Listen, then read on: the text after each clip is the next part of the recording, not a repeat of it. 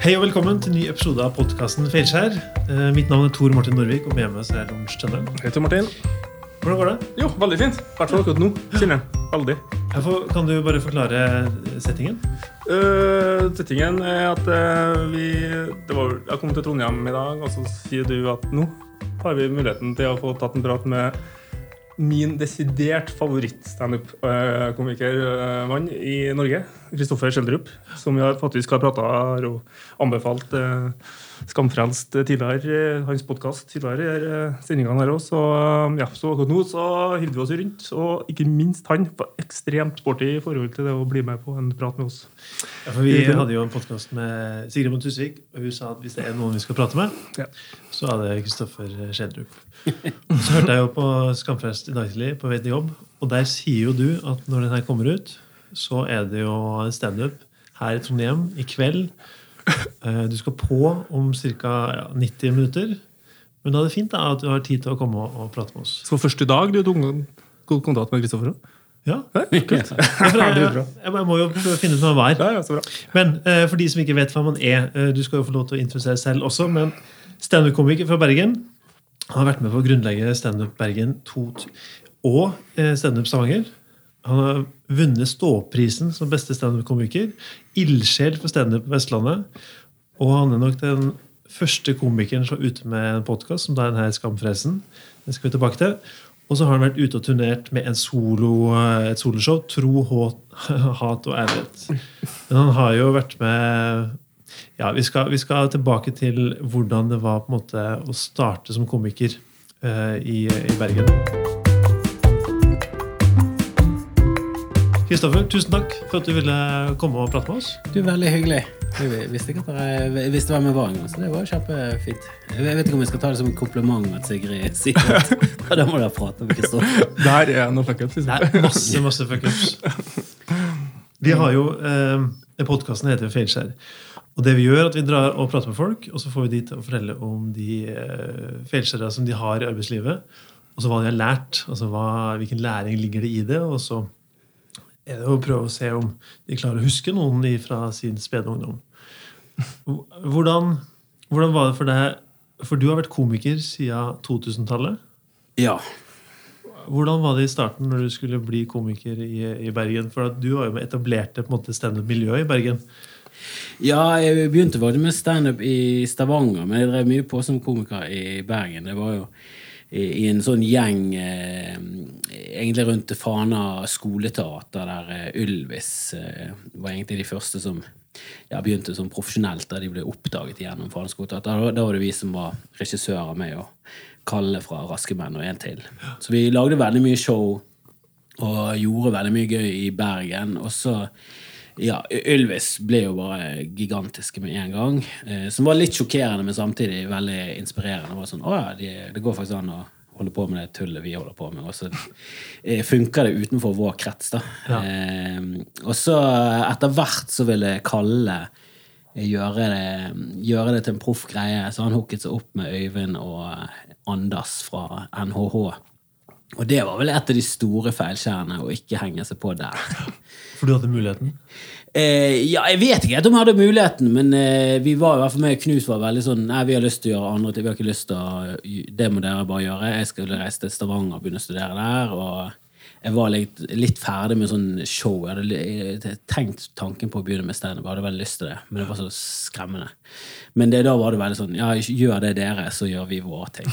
Og så ser vi hvem som egentlig har gjort det rette valget. Og så fikk jo de veldig ja, viste det seg at det var veldig suksess. Men jeg, jeg vet ikke, jeg, jeg tror ikke de hadde vært den samme suksessen hvis jeg hadde vært med. Så hadde det vært sånn fjerdemann. Så jeg tror jeg med å kalle det dratt det mye mer ut i drøye land enn de som egentlig klarte å komme seg litt mer sånn folkelig og, og treffe veldig stort. da. Ja. Så de ble jo sånn suksess og solgte flere hundre tusen. Ja, for den, den, eh, den folkeligheten som eh, de har eh, Hvordan eh, For du mener at den har ikke du? Eller tenker du at du er for drøy for, måte, for det store publikummet? Eller? Jeg har aldri henvendt meg til noe annet publikum enn den alderen jeg er i, sånn cirka. Så det bør være rundt min alder, eh, kanskje litt yngre, men Barn er ikke helt min. Sta- Standupen min er ikke for barn. Eh, Jeg føler eldre går fint. Jeg kan gjerne være gammel, men eh, barn eh, Vi mister de egentlig rundt sånn 18. Da blir de, det blir for stor distanse. Jeg vet ikke helt hva de holder på med. Og jeg bryr meg heller ikke, og jeg er ikke noe interessert i å ha de som publikummere.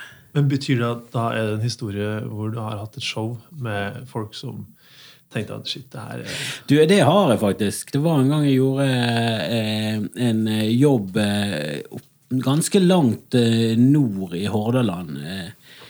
Og så i en sånn øykommune der, som var veldig liten, altså et lite samfunn. eh, og mye ferge og buss og hele veien oppover der. Og så kommer jeg inn, så skal showet være i en gymsal.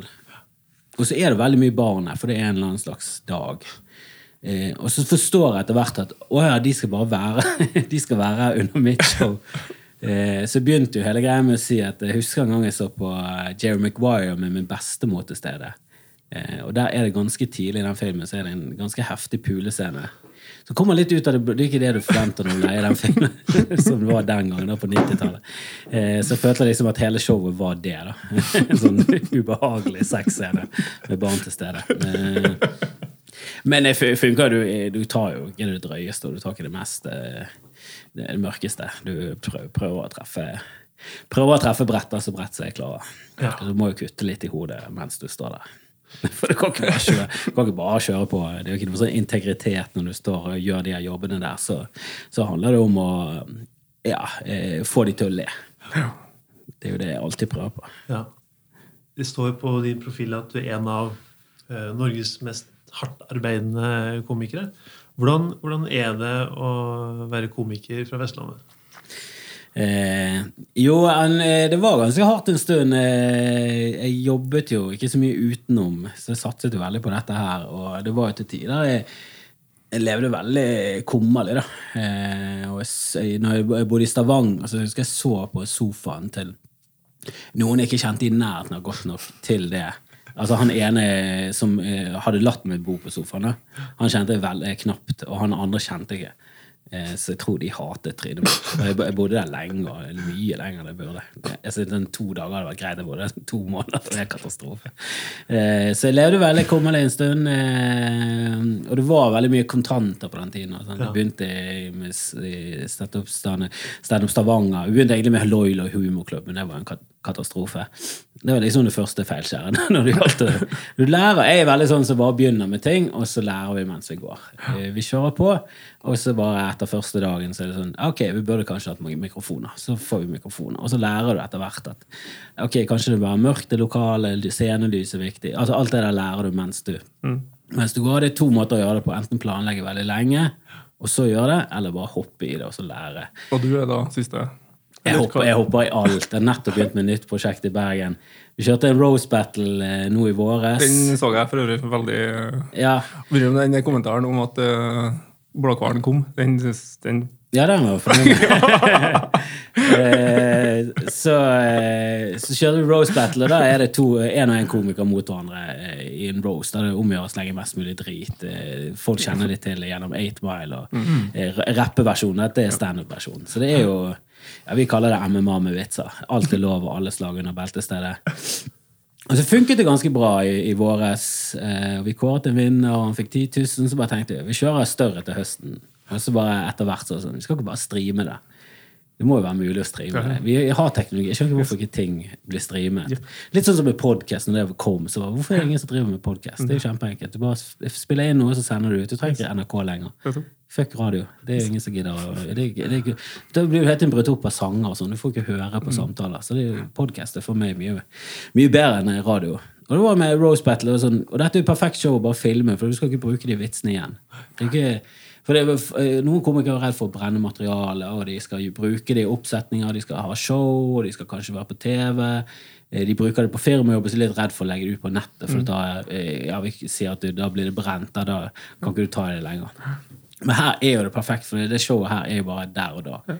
De Så alt handler om å ta motparten. Så du tar kan, bare jo- motparten, så, så kan du ikke bruke vitsene igjen senere. eller? Nei, og det er jo fordel jo at du ikke kan bruke versjoner av det heller, for det bør du heller ikke gjøre. Og, eh, så vi bare kjørte på, og så begynte vi å streame det eh, nå, og det gikk jo egentlig veldig bra. Eh, det var ikke så mye feilskjær, det var liksom noen ting vi må rette på.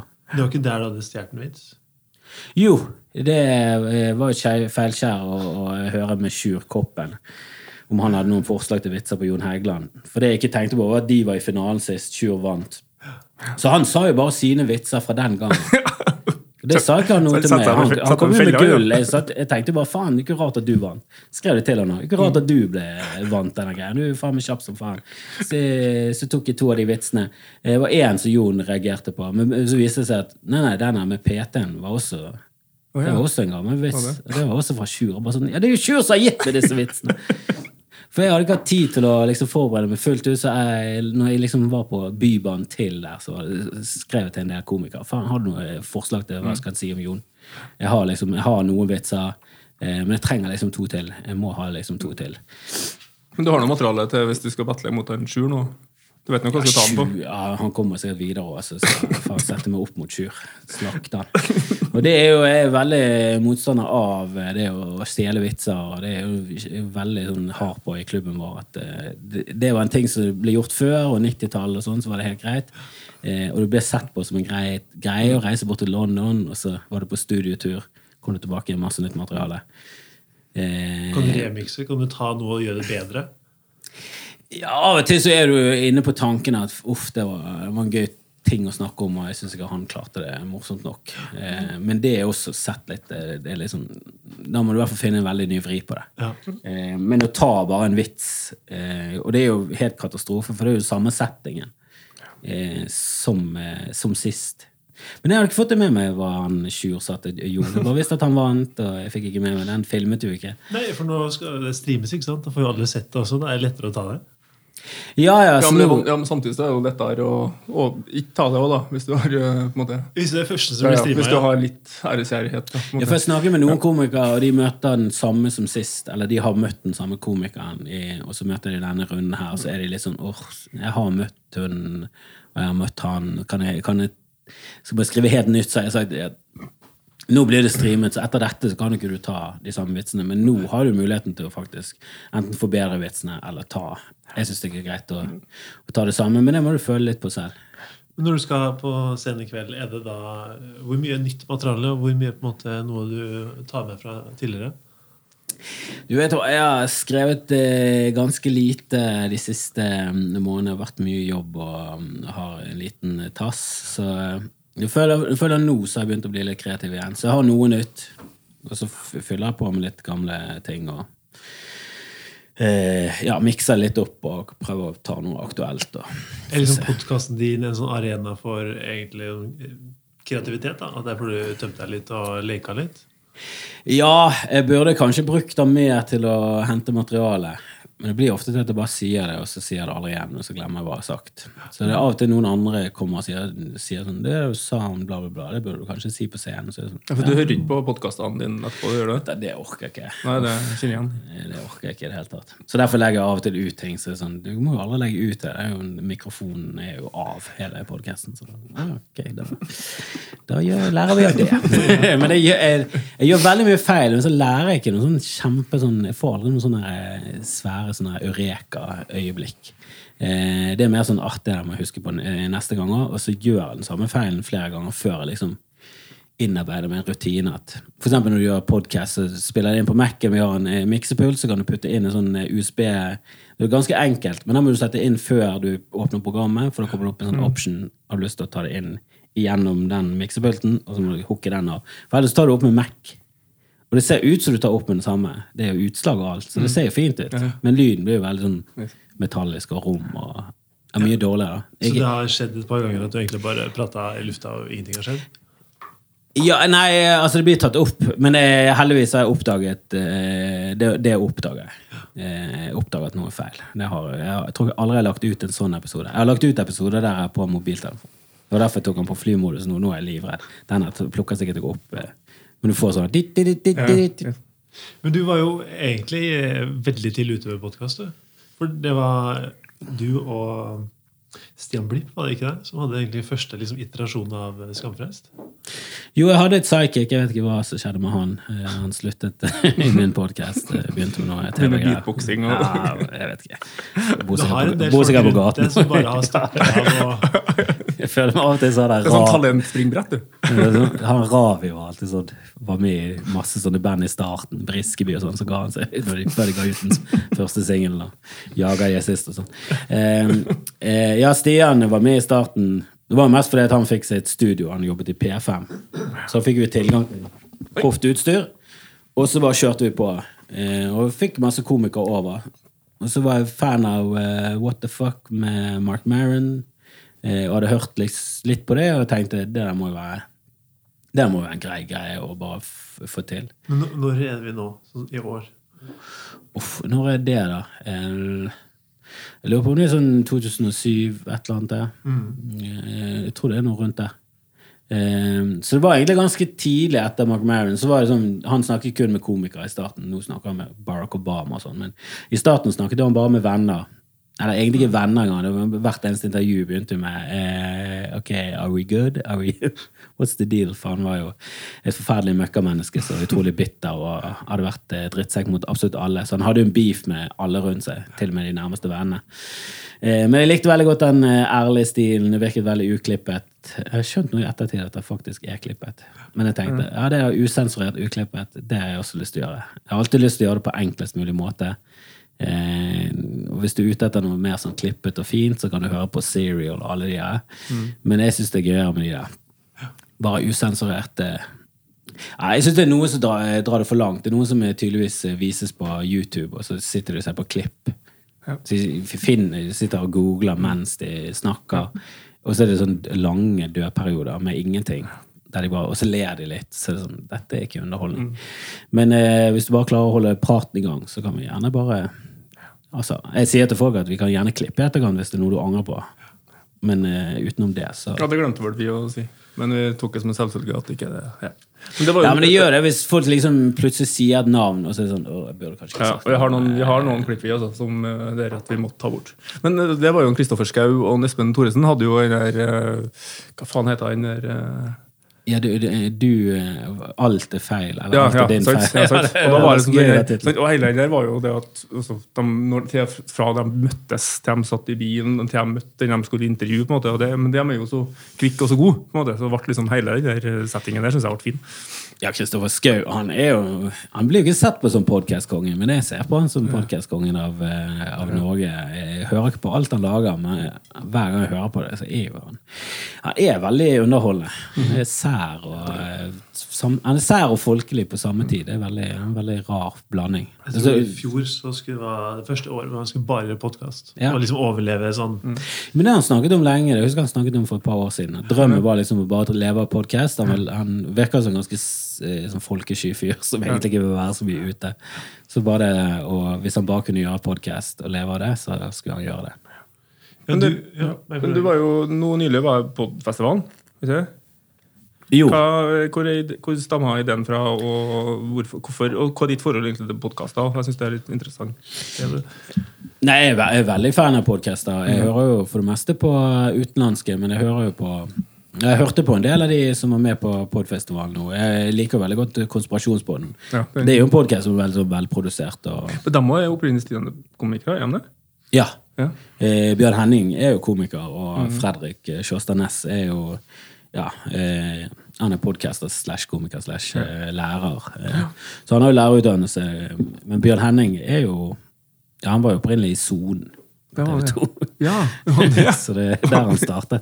Um, eh, men jeg, kjenner dem fra før eh, Men jeg brukte lang tid før jeg hørte på den podkasten. Jeg var litt redd for at jeg skulle synes han var drit.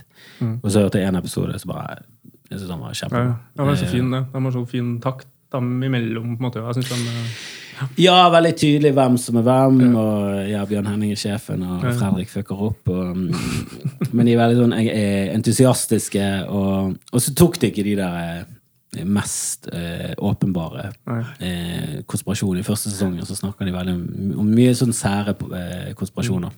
ok. Så det setter jeg veldig pris på. Um, og jeg liker jo veldig godt eh, Sigrid og Lisa, spesielt i starten. Og Lisa snakker veldig mye om eh, ja, de her fantasivennene når han var i Trondheim. Og, ja, Han virker bare helt psykopat. eh, Noe jeg har et inntrykk av at hun er fra før. Så det er veldig deilig at hun er åpen om det. eh, Og åpen om hvor divaen er, for jeg har jo vært med henne backstage. Så det, var, det er av og til pinlig når du hører folk eller ser folk i en eller annen virkelighet, og så bare fremstiller de seg selv og så bare vet at du er ikke sånn i det. Du er du er et rassel. Hvorfor kan ikke du innrømme det? Eh, Men hun var jo veldig åpen om at hun er veldig diva, er veldig nykkete og liker oppmerksomhet. var veldig åpen om det, da. og det elsket jeg. For det blir jo det når du podkast. Det er et eller annet med, med formen som gjør at du bare Jeg tror det er det at det går så lenge. Ja. Så etter hvert så bare prater du, så blir du varm, og så bare begynner du å si ting. Så du, Ja, du er jo mester på det. på en måte, Bare å sette på, og så ja, så vi begynner å si ting som du egentlig ikke har tenkt at dette burde egentlig burde du egentlig ikke sagt dette til noen. Hvorfor sier jeg dette nå?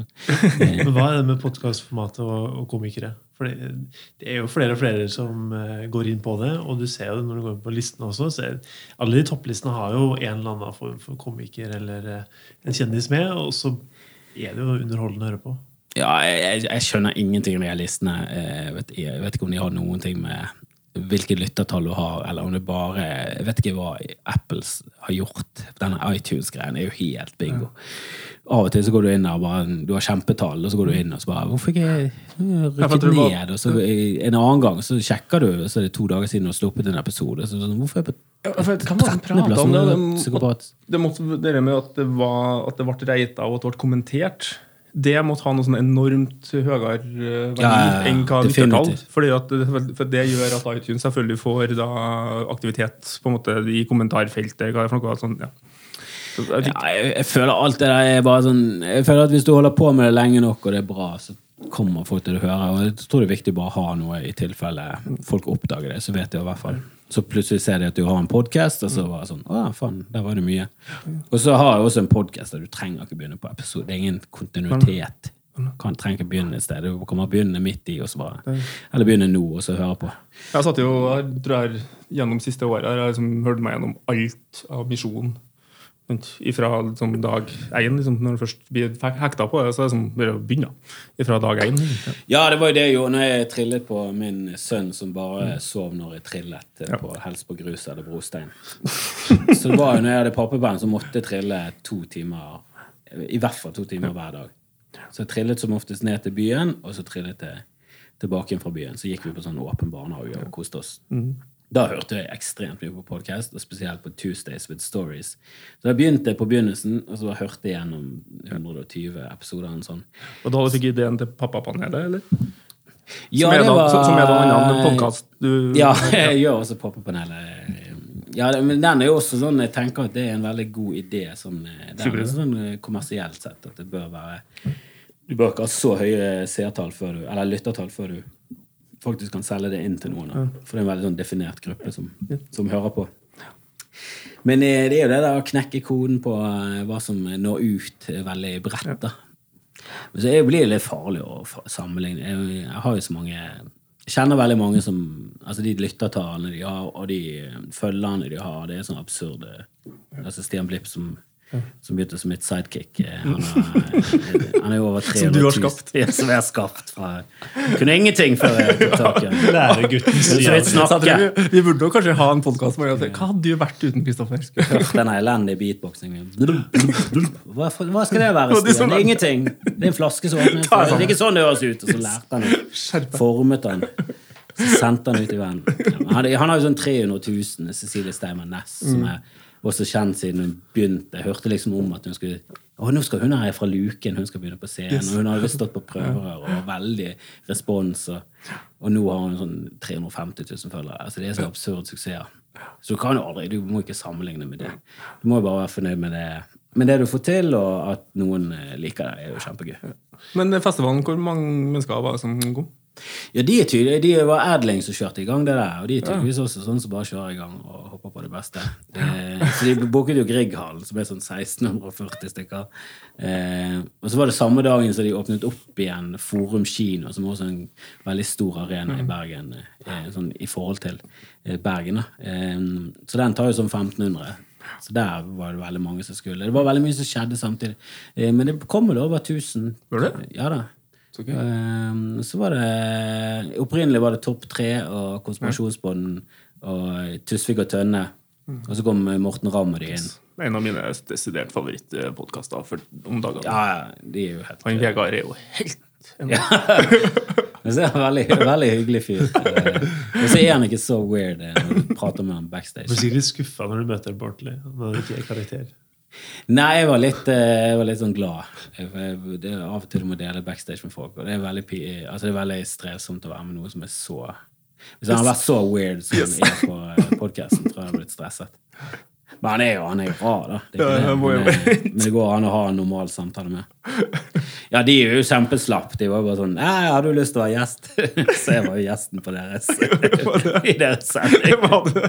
Så jeg tenkte jeg skulle være litt subtil, så jeg skiftet sko og sto på med capsen og kom inn som gjest. De la ikke merke til det. Jeg skulle liksom skulle komme inn som en ny ny Kristoffer. Morten Ramm er jo en fyr som ror i land det meste, tror jeg, når han først er i situasjonen. Ja, ja, han er jo kjempegøy, og jeg bare satt bare og ristet på hodet av Vegard hele tiden. Men et, et, konsensus, konsensusen backstage var jo at eh, Sigrid og de hadde jo solgt ut Grieghallen. Så alle de andre var der bare fucket opp. for, for det var så for oss at folk var sånn Å, skal Sigrid de komme? Må de, skal de, Mats Hansen? Nei, da gidder jeg ikke. Så venter vi heller til neste gang. Jeg tror faktisk det er sant, og jeg tror de hadde sett ut Grieghallen. Så 16, altså 650 som ikke kom, det var fordi, Ja. fordi at det var booka noen flere. Artig. Ja, jeg tror Konspirasjonsbåten hadde et par eh, Jeg vet ikke om topp tre eh, Konspirasjonspodden har i hvert fall frontet det, og det har Sigrid òg. Jeg vet ikke om topp tre har frontet det så mye. Nei, jeg hørte på en episode en gang der de prata om Jo, jeg tror han, jo, de prata om Ja, skulle litt etter. gjort det. Ja.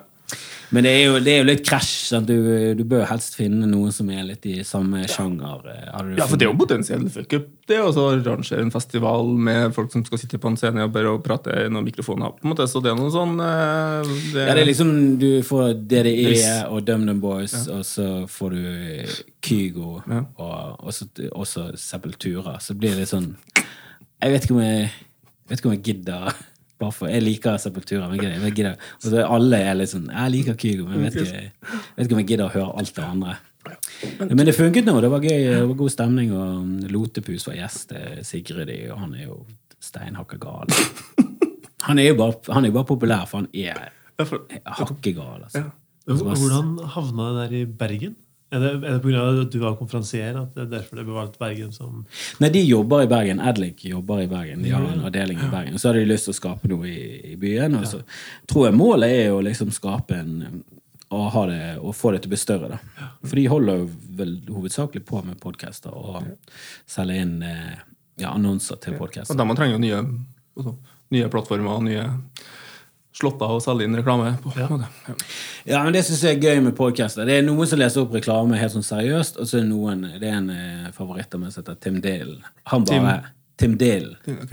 Han har The Tim Dalen Show, som tidligere var Tim Dalen's Going to Hell.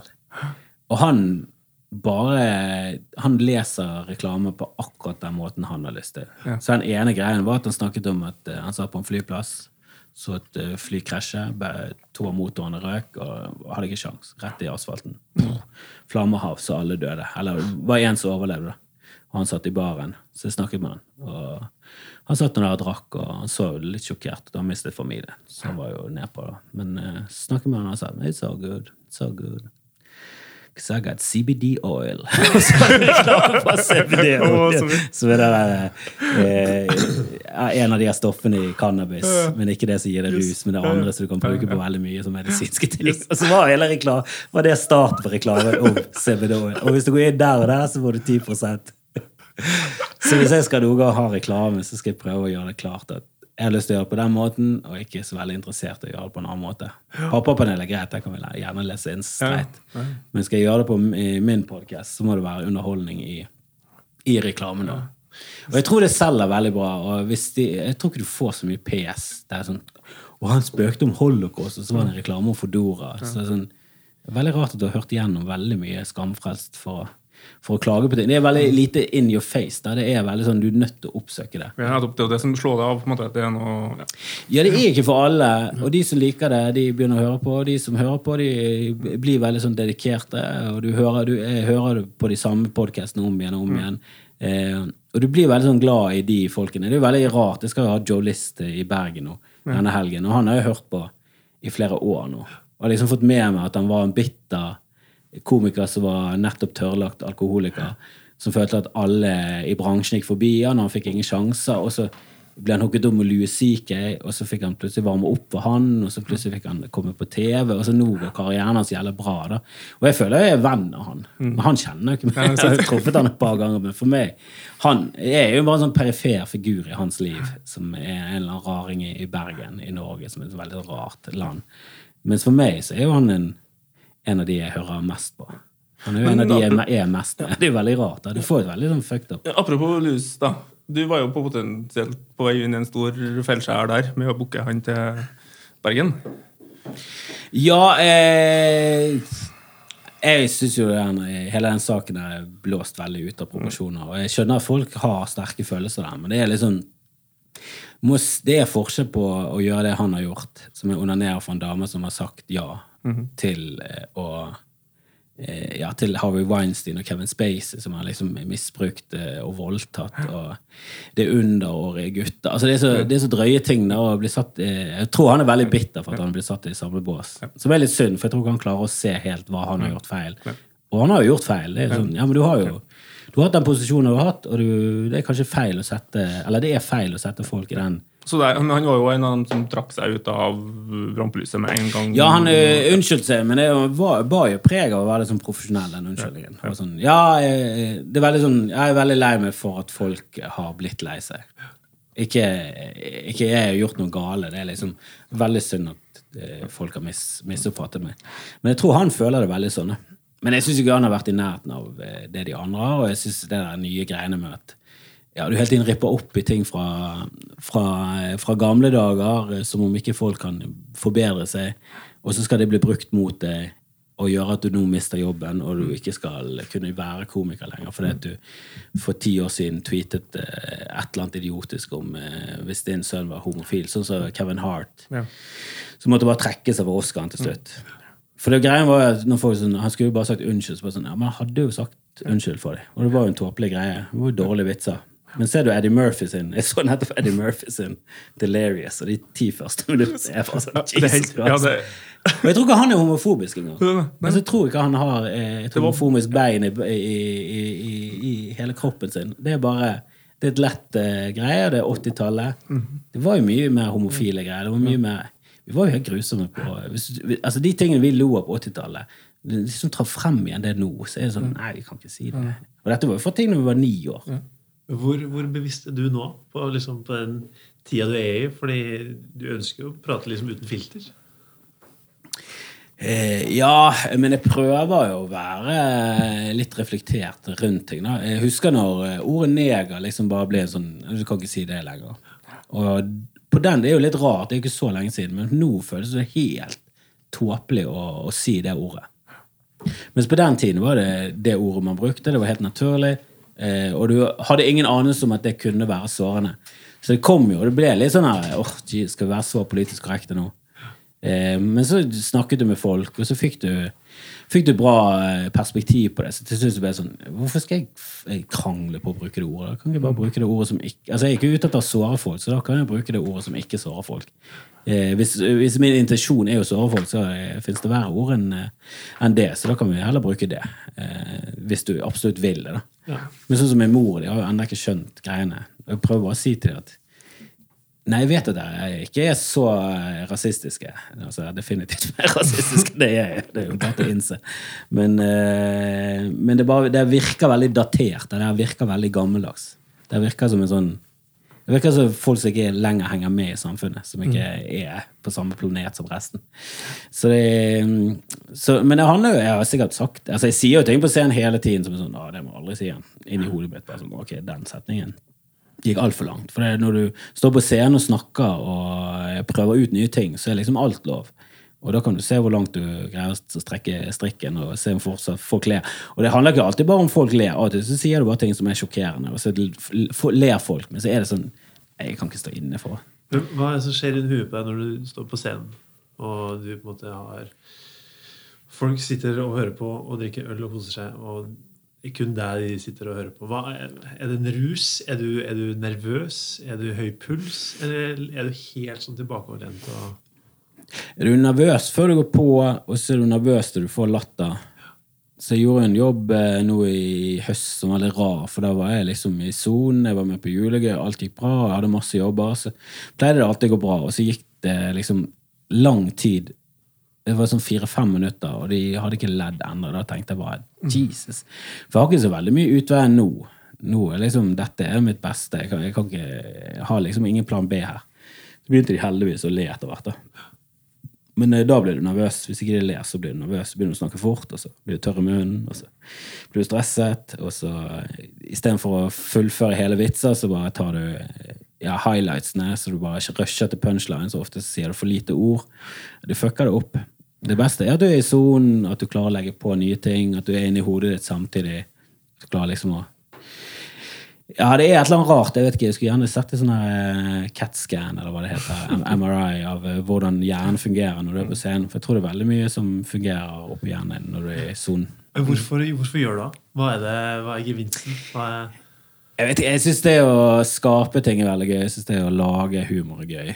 Eh, repetere det kan være gøy. Det. Når folk ler, det er alltid koselig. Det er gøy. Men det gøyeste er det nye ting. Prøve å si noe som er nytt. Eh, se hvor langt du greier å Det trenger ikke å være sånn at det går drøyt eller mørkt. Bare se hvor langt du greier å dra det i sære ting. Og, eh, hvor, hvor meta du kan være. Hvor, ja, hvor sær du kan være, da, og fortsatt uh, ha folk med deg. Ja. Det er det jeg liker veldig godt med Bergen, for folk er liksom med på det meste. Da vi har skapt en eh, scene der folk er liksom mottagelige for uh, veldig mye forskjellig humor. Vi har hatt veldig mye rare folk på scenen. Uh, og Trondheim har også alltid vært et sånn ja, fantastisk sted å stå. Så jeg er veldig Ja, spent på den nye scenen. Så Trondheim, hvordan har Trondheim vært på en måte sånn, Du, de har gjort egentlig alt feil. Jeg var på Olavspuben Faen, nå slår jeg det her. Jeg håper ikke det ødelegger lynet. Eh, beklager det. Eh, nei, alt var feil med Olavspuben, og likevel så var det fantastisk. Det var en åpen restaurant oppe, eh, og gratis inn. Og det var det første vi sa til dem. var det gratis.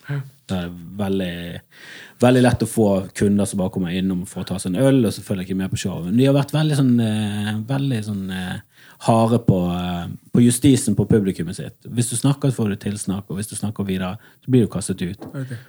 Så de har liksom fått sånn veldig sånn standup-interessert publikum som har kommet på tross av at alt er egentlig ikke tilrettelagt, og det er stolper i det lokale. Men det har alltid vært et av de beste stedene å stå. Eh, så der er det egentlig fått det skikkelig til. Ha et eh, bra miljø og mye folk som eh, brenner for det. Så noen av de begynner å bli såpass bra at de flytter på seg. Det er jo det som er, er feilen med Norge, er at Oslo er så sinnssykt magnet på alt som er bra.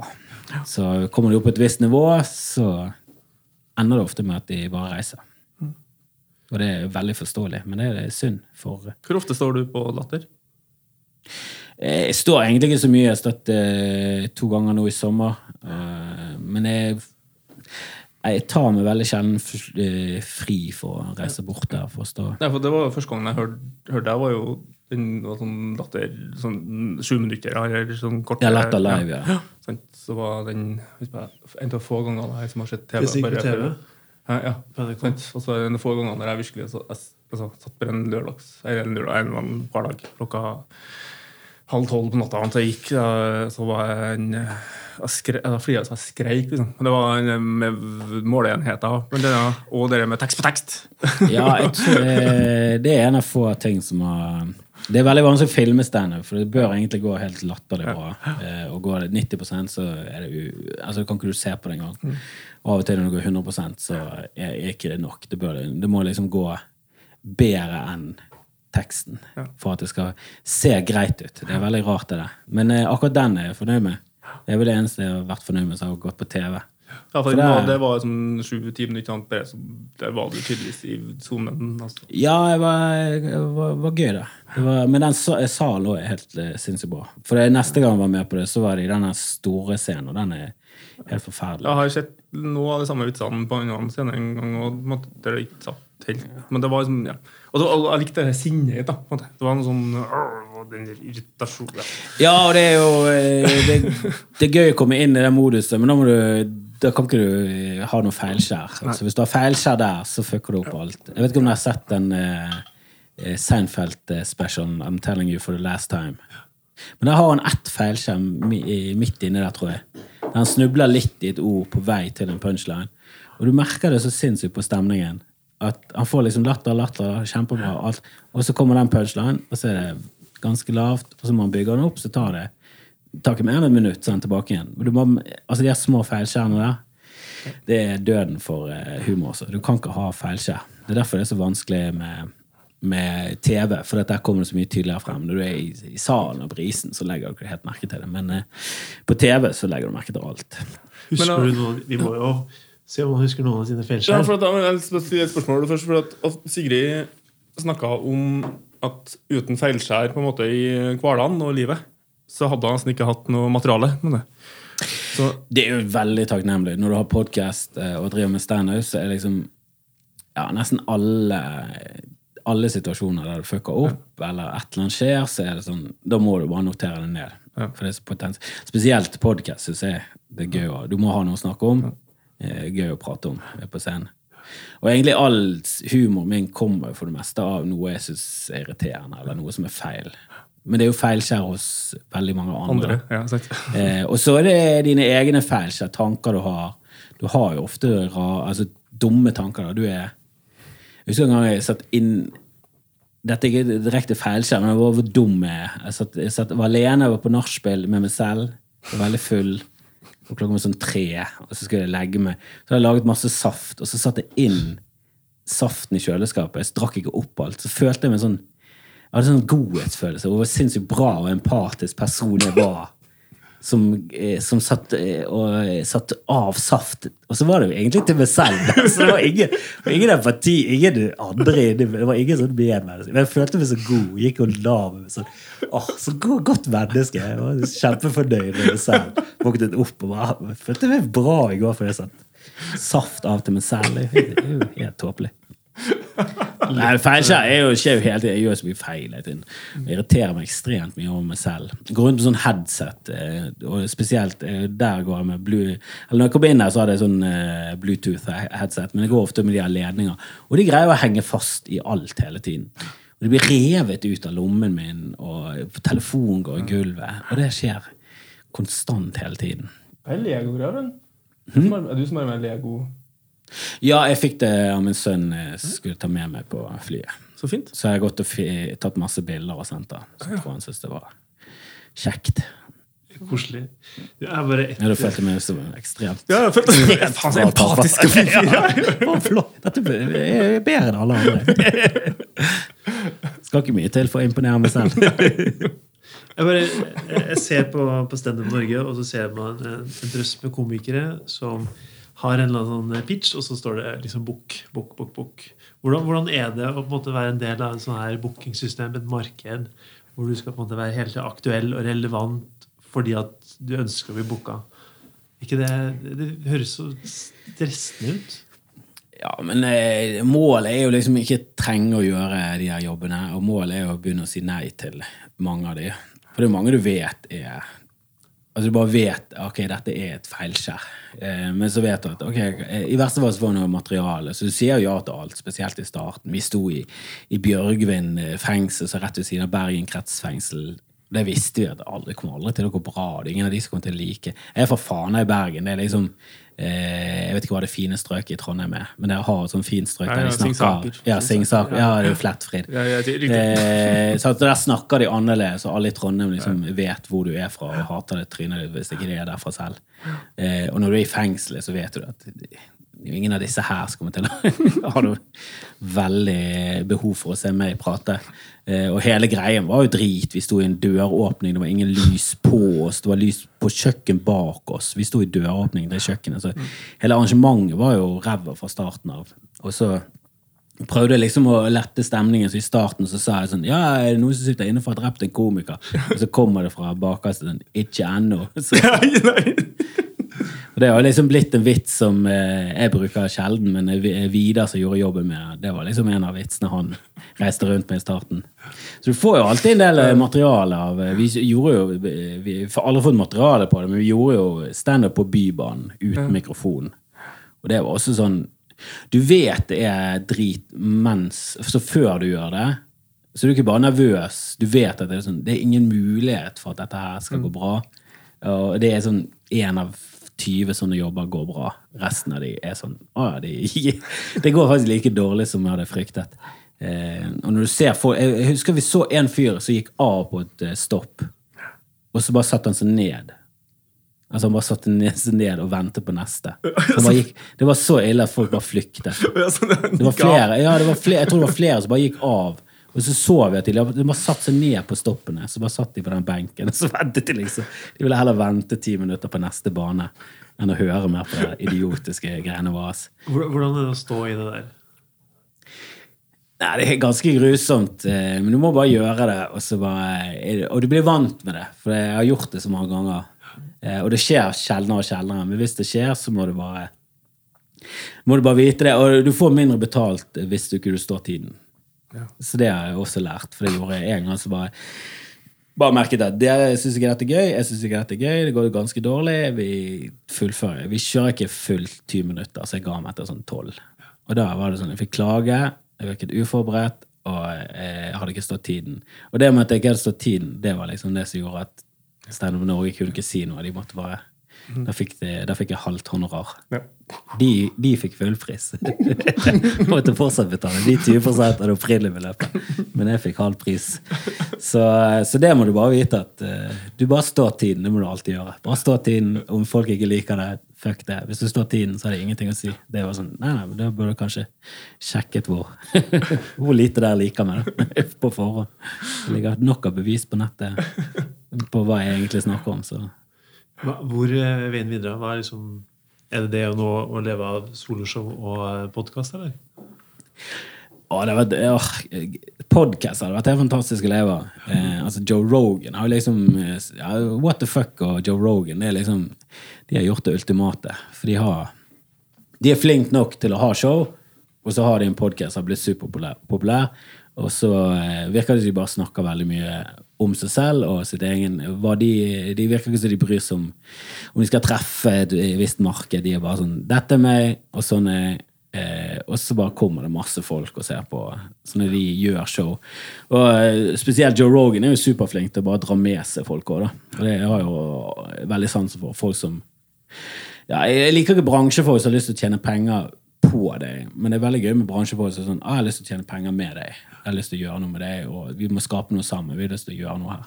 Eh, det er fine folk. Eh, og Joe Rogan virker som en fin fyr, selv om han får veldig pes for at han ikke er nok woke. Men han er jo fuckings gammel, da. Det jo, folk må jo skjønne det. Men han er nesten han er over 50. Selvfølgelig er han ikke fuckings woke som en 18-åring. Han, er- han, er- han er- prøver så godt han kan, og han eh, prøver å snakke med folk. Får han veldig mye pes for at han slipper til eh, ja, plattformer folk. Der folk er veldig på no platforming.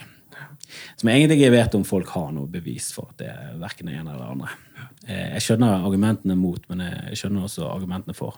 Det var ikke sånn at Anders Behring Breivik satt på Nytt på Nytt og gjallet løs med sine idiotiske ideer. Så jeg vet ikke om det der er undertrykking og skuffe ting under teppet er så ja, veldig bra.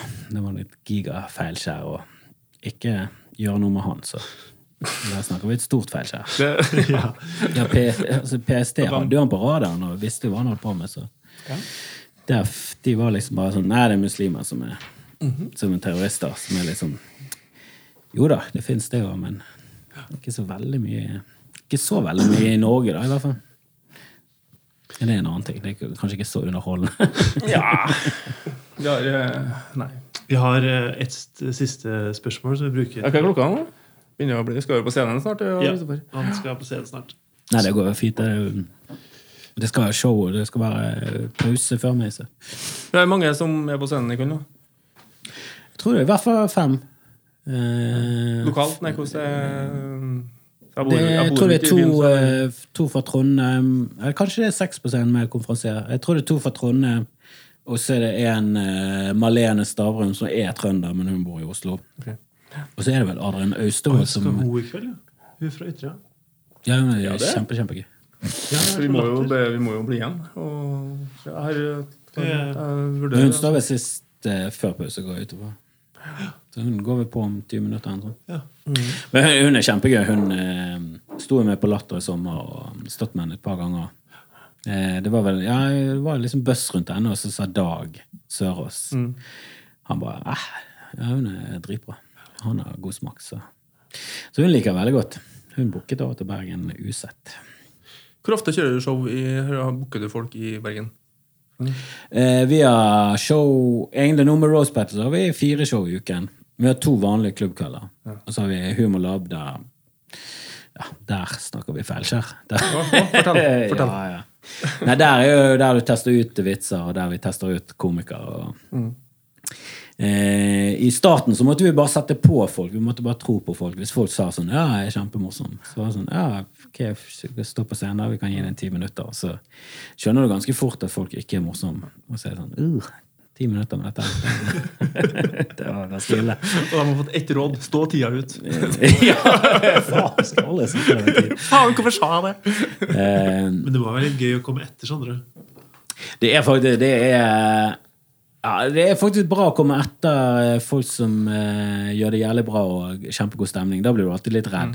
Men eh, skal du på etter en som driter seg ut, så det Og der har jeg en sånn følelse at jeg gir faen i dine følelser. Jeg kommer til å, kommer til å gjøre en bemerkning på dette her, for det er vi nødt til å, vi nødt til å gjøre noe med denne voldtektsstemningen som er i rommet. For det her vil jo ingen være. Så her må vi bare få hull på den ballongen. Så, så jeg pleier alltid Og jeg føler også, står du på scenen, du legger hodet på stabben, du må tåle må se litt an. Det er noen komikere som er litt sarte, men det har gått litt for langt noen ganger.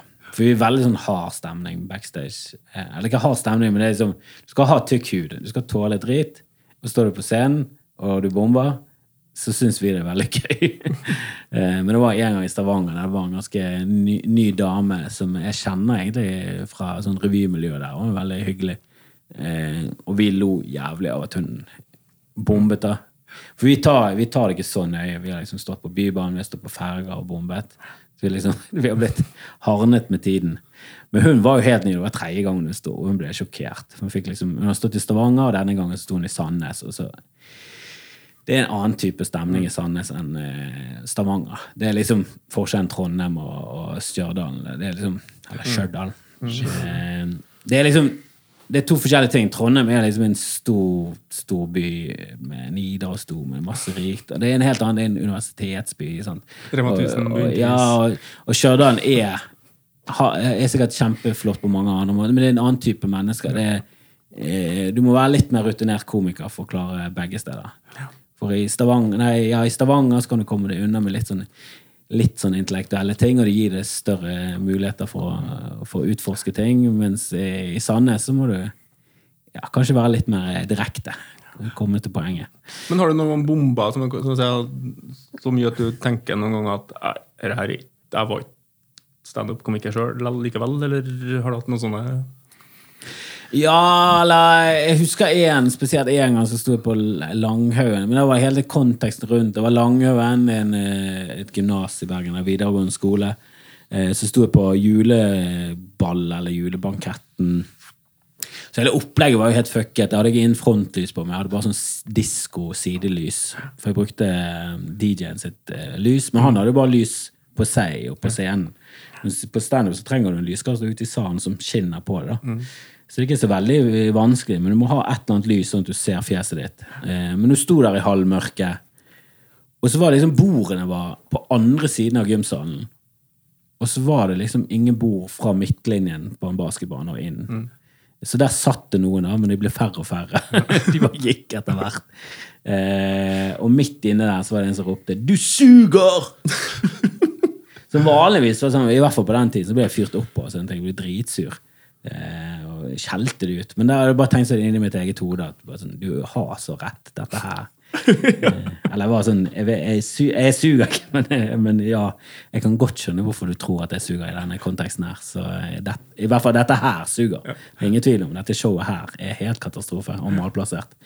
Og når jeg fikk betalt liksom i cash etterpå for de stakkars eh, jentene på sånn eh, 18 Og så de sto unnskyldte til meg, og jeg sto bare sånn Fikk sånn fikk 5000 i kontanter og bare tenkte jeg fortjener ingenting av dette her. Jeg tok bussen hjem og bare, jeg følte meg så skitten. Jeg følte meg som en hore. Jeg tror jeg er ganske nærmt den her. Jeg er sikker på at den følelsen en prostituert føler den første gangen, det er sikkert verre, og det er mer fysisk, men jeg tror inni sjelen så var vi på litt, litt i hvert fall samme bås av skam og hva er det jeg holder på med, hva er livet egentlig blitt til som gjør at jeg er på dette nivået? Når valgte jeg Ja, retningen her? Jeg må re- re- reevaluere hele livet mitt. Hvorfor møtte jeg ikke opp i den mattetimen likevel? Ja. Hvorfor kunne jeg ikke bare studert litt mer? Ja, jeg søkte jo egentlig på studiet i Trondheim. Det var egentlig der jeg hadde lyst til. Men når jeg søkte, så hadde de skiftet søkereglene. For jeg søkte ganske lenge etter jeg var sluttet på videregående. Eh, og da satt det bare opp sånn, litt sånn hultert i bultert. For når jeg var, eh, når jeg var sånn 19 så var det sånn, Du søkte på syv-åtte skoler, og så kunne du komme inn på alle. Og så var det ditt, din plikt å si nei. Og der var det veldig mye sånn kampanje på sånn Husk å si nei. husk å si nei. Det- Og jeg hadde ikke fått med meg at jeg hadde skiftet det. Men noe nye var jo at var, jeg hadde sett det prioritert, og kom inn på den første, så det er, da ryker resten. Så jeg satt liksom bare den Stavanger opp først, og så satt jeg NTNU under. For jeg hadde lyst til å gå på den der Det het vel eh, Maskinproduksjon. Altså sånn. Ekstremt eh, dårlig tittel på hva det egentlig var. Men det er en sånn entreprenørskap. Ja, ganske kul greie. Det er sånn industridesigner. Ja, ja, egentlig. Eh, Ja, det var med- starten på produktdesignlinja. tror jeg. Ja, nå heter det vel Ja, nå heter det noe helt annet. Nå heter det noe sånn hipt noe, og alle vil altså, Og karaktergrensen har liksom skutt i taket. Jeg tror det er faktisk denne produkt, produktdesignlinja på NTNU som er ja, jeg Ja, nå tror jeg han er over seks år. kanskje. Men på den eh, tiden der så tror jeg han var sykt lavt nede for å være sånn industri, altså designfag. da. Og, og, og sånn siviløkonom, altså sivilingeniørfag. Så det var liksom det jeg kunne komme inn på der. Eh, så jeg søkte, det var der jeg hadde lyst til å gå. Jeg har alltid likt eh, Trondheim, selv om jeg hater jo trøndere gjennom Rosenborg og Brann. For det, vi har alltid tapt mot den jævla klubben. Eh, men Trondheim i seg selv er jo en veldig flott by, og trønder er jo veldig altså, Det irriterer meg å si det, men er ekstremt hyggelige. Alltid hyggelige. Hver gang jeg treffer noen, så tenker jeg at trønder. Så sånn, faen. Klarer ikke, klarer ikke å la være å like det. Det Det er kjempe... det er noe, Tor Martin, du skal slå om til trøndersk igjen. Ja, jeg må tilbake. Jeg må Ja, men det er jo kjempeløy. Det er jo en veldig trivelig by. Og det er et eller annet med at det er en by og, eh, i Norge. Det er ikke så ja. mange byer. Og i hvert fall ikke så mange byer som har et særpreg. Og Stavanger er en av de byene som ja, det er et eller annet eh, I Trondheim så er liksom det er gøy her, og folk er ute og fester, og de, de er hyggelige mennesker, og alle liksom Og det er litt sånn Er det så nøye, da? Det er, sånn, ja, det er gøy, og la oss bare kjøre på. Eh, og Bergen er litt det samme. Sånn, nei, må slenge litt drit og sånn. Så kommer du til Stavanger, og de er veldig sånn prippende og prektige, og veldig preget av pietisme og, og kristendom. Så de er en helt annen type mennesker. De er mye mer sånn østlendinger. Og der merker du at å ja, faen, du kan ikke, du kan ikke kalle damer hore her. Da blir de faktisk da blir de faktisk Ja, men det er veldig mange nyrike. Men jeg er jo vant med bergen, bergenser. Bergenser tåler jo det meste. Så der har jeg ingen ja, Jeg sensurerer ikke meg selv i Bergen, men det gjør jeg i Stavanger. Der må jeg liksom, der må jeg passe på. Vet Det var et feilskjær å reise ned dit. Jeg vet, jeg drakk øl med eller møtte Lisa Tønne eh, på en sammenkomst for ikke lenge siden. Og da, jeg bor jo da på landet. Jeg flytta liksom ut fra Trondheim og ut på Inderøy, en sånn øy, da, sånn, eller yeah. halvøy, som er ja, oppe i Nord-Trøndelag der. Og da og så holdt jeg på å vurdere om dagene om jeg skal flytte tilbake igjen. Så sa jeg at når du først kan bo i verdens hyggeligste by, hva er faen poenget å bo på landet da, liksom? Du, når du kan bo i Trondheim, så hvorfor ikke bare bo? Det er jo som å bo på landet. Det er den mentaliteten som er der. Ja, det er jo det òg, for det er jo en liten by. Sant? Det- Både Bergen og Trondheim er jo, altså, det er jo småbyer i verdenssammenheng. Så det er jo noen knøttsmå.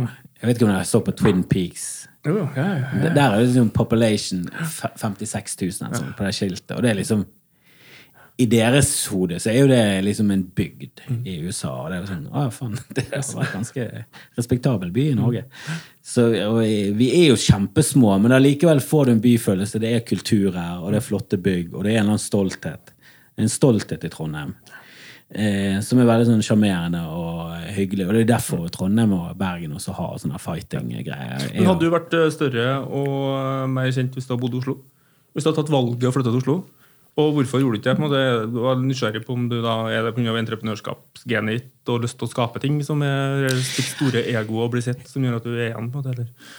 Nei, opprinnelig så er det bare fordi jeg liker veldig godt Bergen. Jeg trives veldig godt i Bergen, og jeg, jeg syns atmosfæren i Oslo er annerledes. Jeg syns ikke det er så kjekt der, da. Eh, men jeg har veldig mange gode venner i i Oslo. Jeg kunne sikkert bodd der, men eh, nå har jeg fått en samboer som er, er ja, mye mer fanatisk enn meg.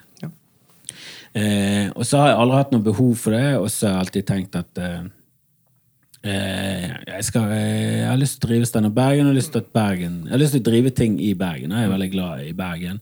Og jeg syns det er tåpelig at alt skal være i Oslo. Jeg syns ikke de gjør det noe bedre. Jeg synes de ofte gjør det mer profesjonelt, men mye mer eh, strømlinjeformet. Og, og, hver gang de tar i noe, så blir det ikke til gull. Det blir ofte til ah, da er jeg ikke interessert lenger. Mm.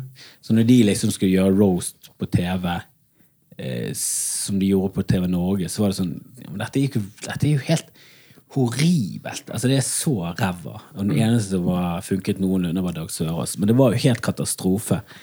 Eh, nå gjør de det på en skikkelig måte, men det er jo fordi Stian Blipp er med som ja. en del av greiene. Og Ole, Ole So som er med. Altså det er ja, som er skapt begge to fra bunnen eh, så det er Og det er ikke det at du trenger bergenser, men du trenger noen som er litt, gir litt faen og kjører litt på. Du ser til og med Morten Ramm og de. Alle de har jo vært med i Torsdag kveld fra Nydalen.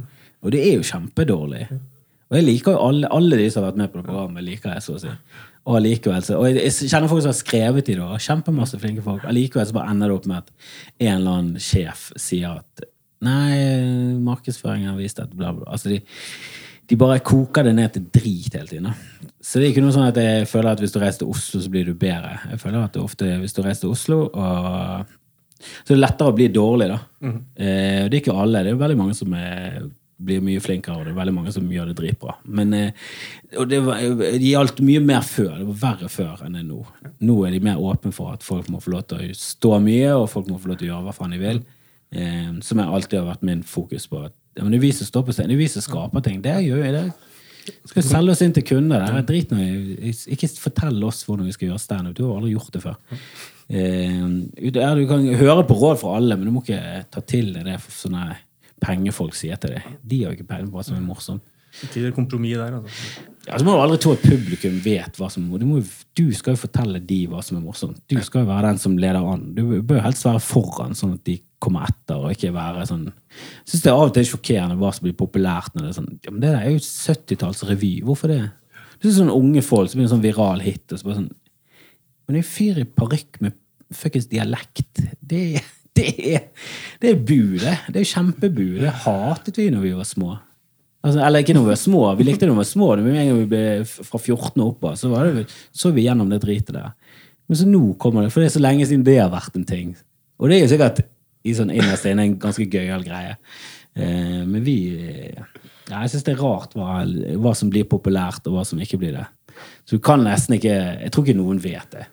Tydeligvis-guttene fikk en overraskelse på det på Fox.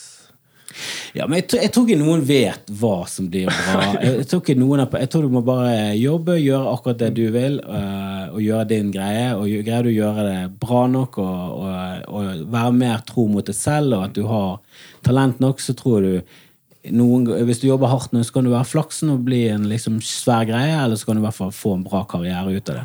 Jeg har ikke tro på at noen produsenter vet noe som helst. Det var det Ylvis Åker prata om i en, det programmet med en Einar Tørnquist. Der at eh, når de, hvorfor de hoppa av det produksjonsopplegget de hadde i USA. Det var at nå var det ble så amerikanisert, og så de måtte bare dra hjem. Det var... Ja, for de gir jo faen altså, De har de aldri hatt, gøy, dem. Så... ja, de har aldri hatt noen drøm om å bli komiker. eller sånn, og Vegard skulle bli flyger. og De har nesten snublet over de er, liksom, de er for bra til å ikke bli Men jeg syns det er imponerende at han er Petter Brandt som opprinnelig oppdaget de klarte å og se det ut ifra en skoleteaterforestilling. Men Bård var jo bare ekstremt talentfull. Og det var, han skulle jo sette opp et show med han, og så var det plutselig sånn Har du en bror? Er han noe Står han på scenen? Så bare, ja, han er ja, vel så bra som meg. Så Hæ, seriøst? Plutselig hadde han to stykker som var helt latterlig talentfulle. Men de har jo ikke noe trang. De har jo ingen sånn trang til å bli sett. Jeg tror ikke de bryr seg noe særlig. Eh, så derfor kan de bare si ah, fuck, ja, vi, kan, vi kan sikkert få et sketsjeshow i USA, men da må vi gjøre det på feil måte. Og, ja, da går vi heller tilbake inn til Norge og lager så vi måtte bare stå i det så vi ikke tapte millioner, for vi måtte liksom bare bli med på piloten. Ja da, de måtte bare Ja, det, du må stå tiden. Yes. Du må stå tiden.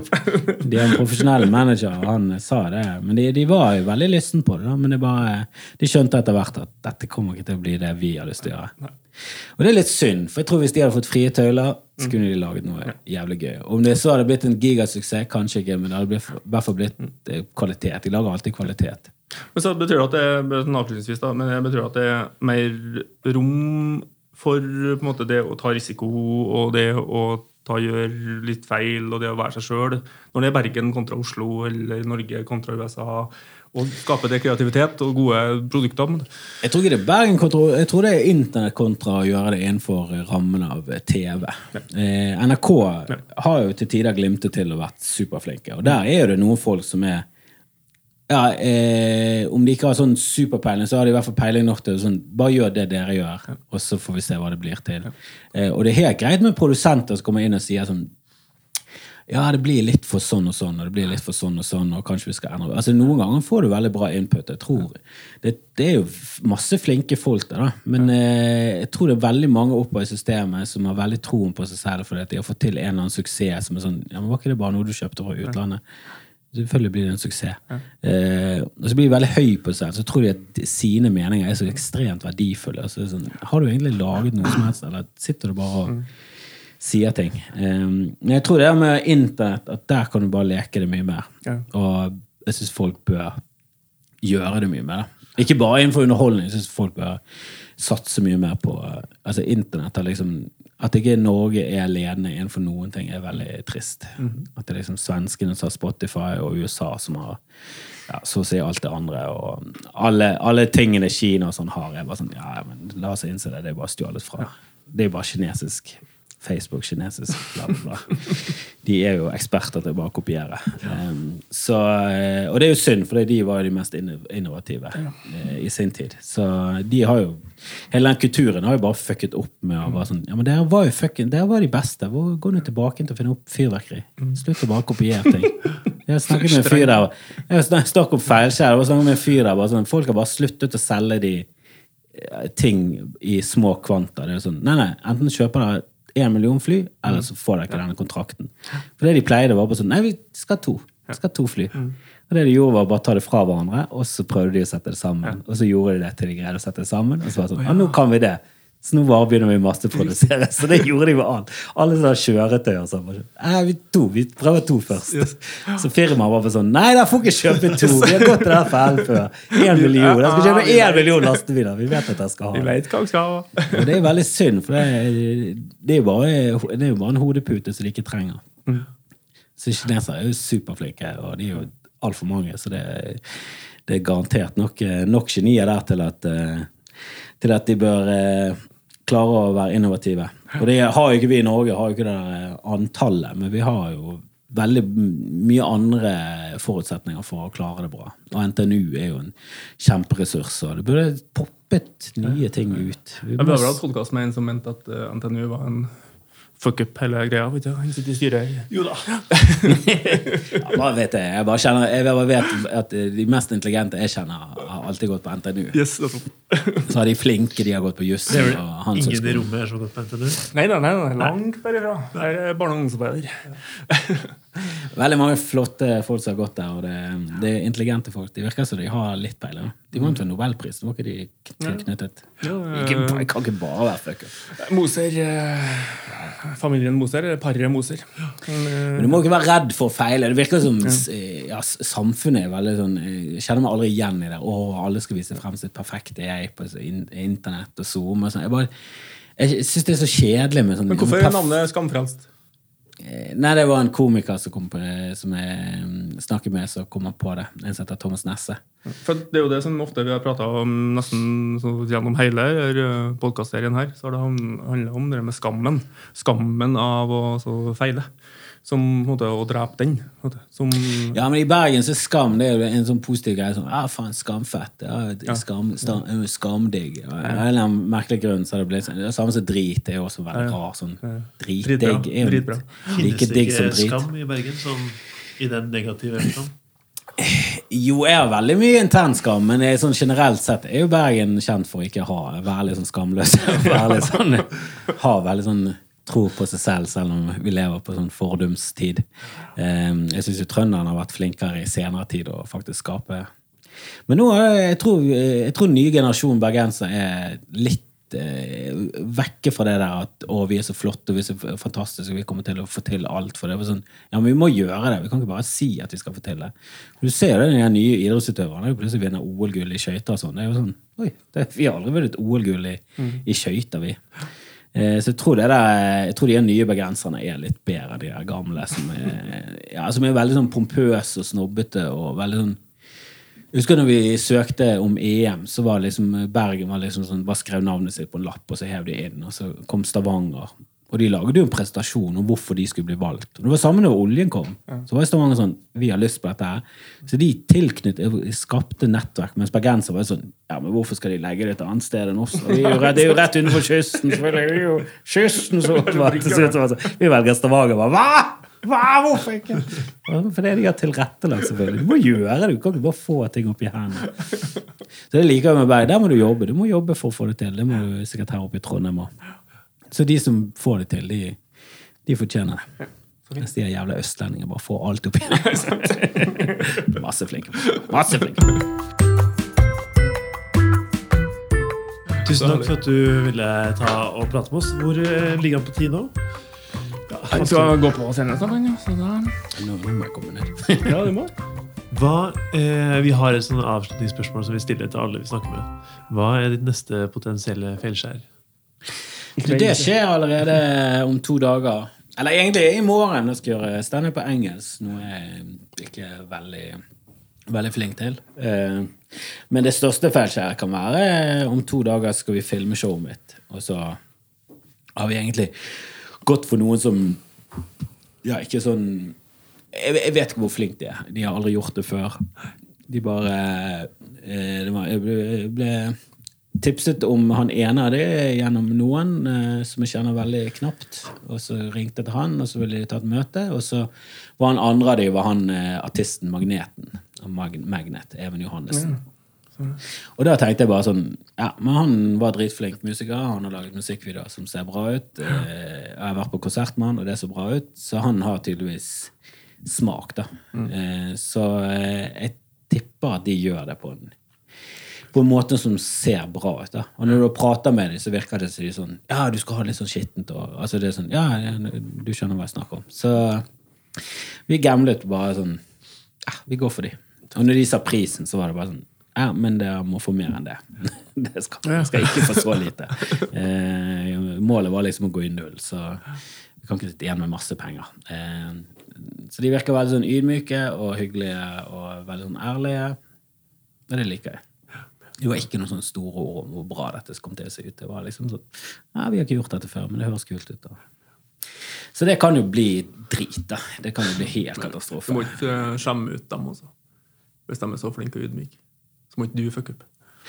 Nei, jeg skal nå gjøre det showet jeg har gjort bra før. Så jeg håper jo at eh, de klarer å filme det på en eh, bra måte. Jeg, jeg, har, jeg har veldig troen, men det kan være kjempefeil. Det kan være kjempetabbe. Hvem vet. Det vel fint. Lorentz, Ja. rekker du en rask oppsummering på hva du har eh, lært? Uh, lært uh, Fantastisk. Ja, men jeg, kanskje det jeg tror jeg tar med meg mest av det her i forhold til det med å Det å eh, Nok en gang, egentlig. Bare det å så eh, være, bli med i situasjonene, hoppe i det, og så hvis det, det å gå litt på trynet, eller det å ta et feilskjær, og ikke det å, klare å reise seg og bli, bare, bli en del, det blir en del av produktutviklinga av deg sjøl. Ja, sånn, eh, nå skal Kristoffer få lov til å springe det òg, men eh, det er noe det å Og så likte jeg veldig godt den der eh, rommet med å ha egenutvikling utafor det her mainstream, eller det å ikke altså, la, Vær det du er tro til. Gjør det du er tro til i forhold til hva du ønsker å levere. Det kjente jeg veldig sånn uh, godt på. Ja. Supert. Takk igjen, eh, Kristoffer. Du, tusen Og takk. så må vi dra ned på showet. etterpå. Ja, nå må vi komme oss på show.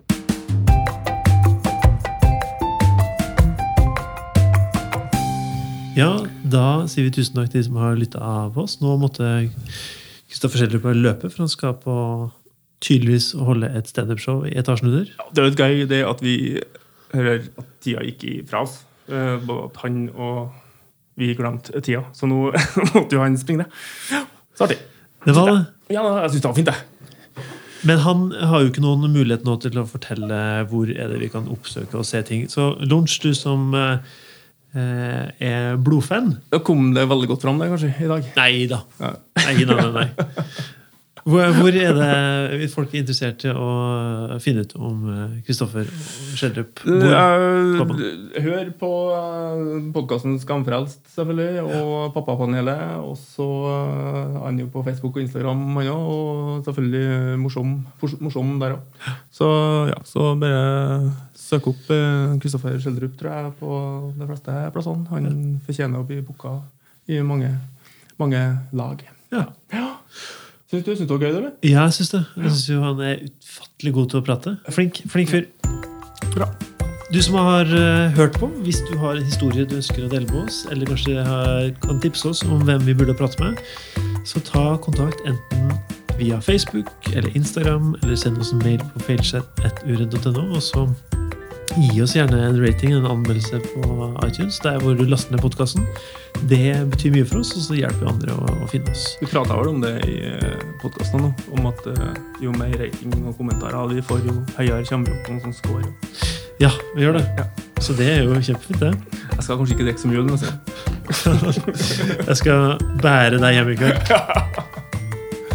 Podkasten her er produsert av Uredd og Lydspor Media og kommer ut hver mandag. Takk for i dag. da. Ha det! Hei.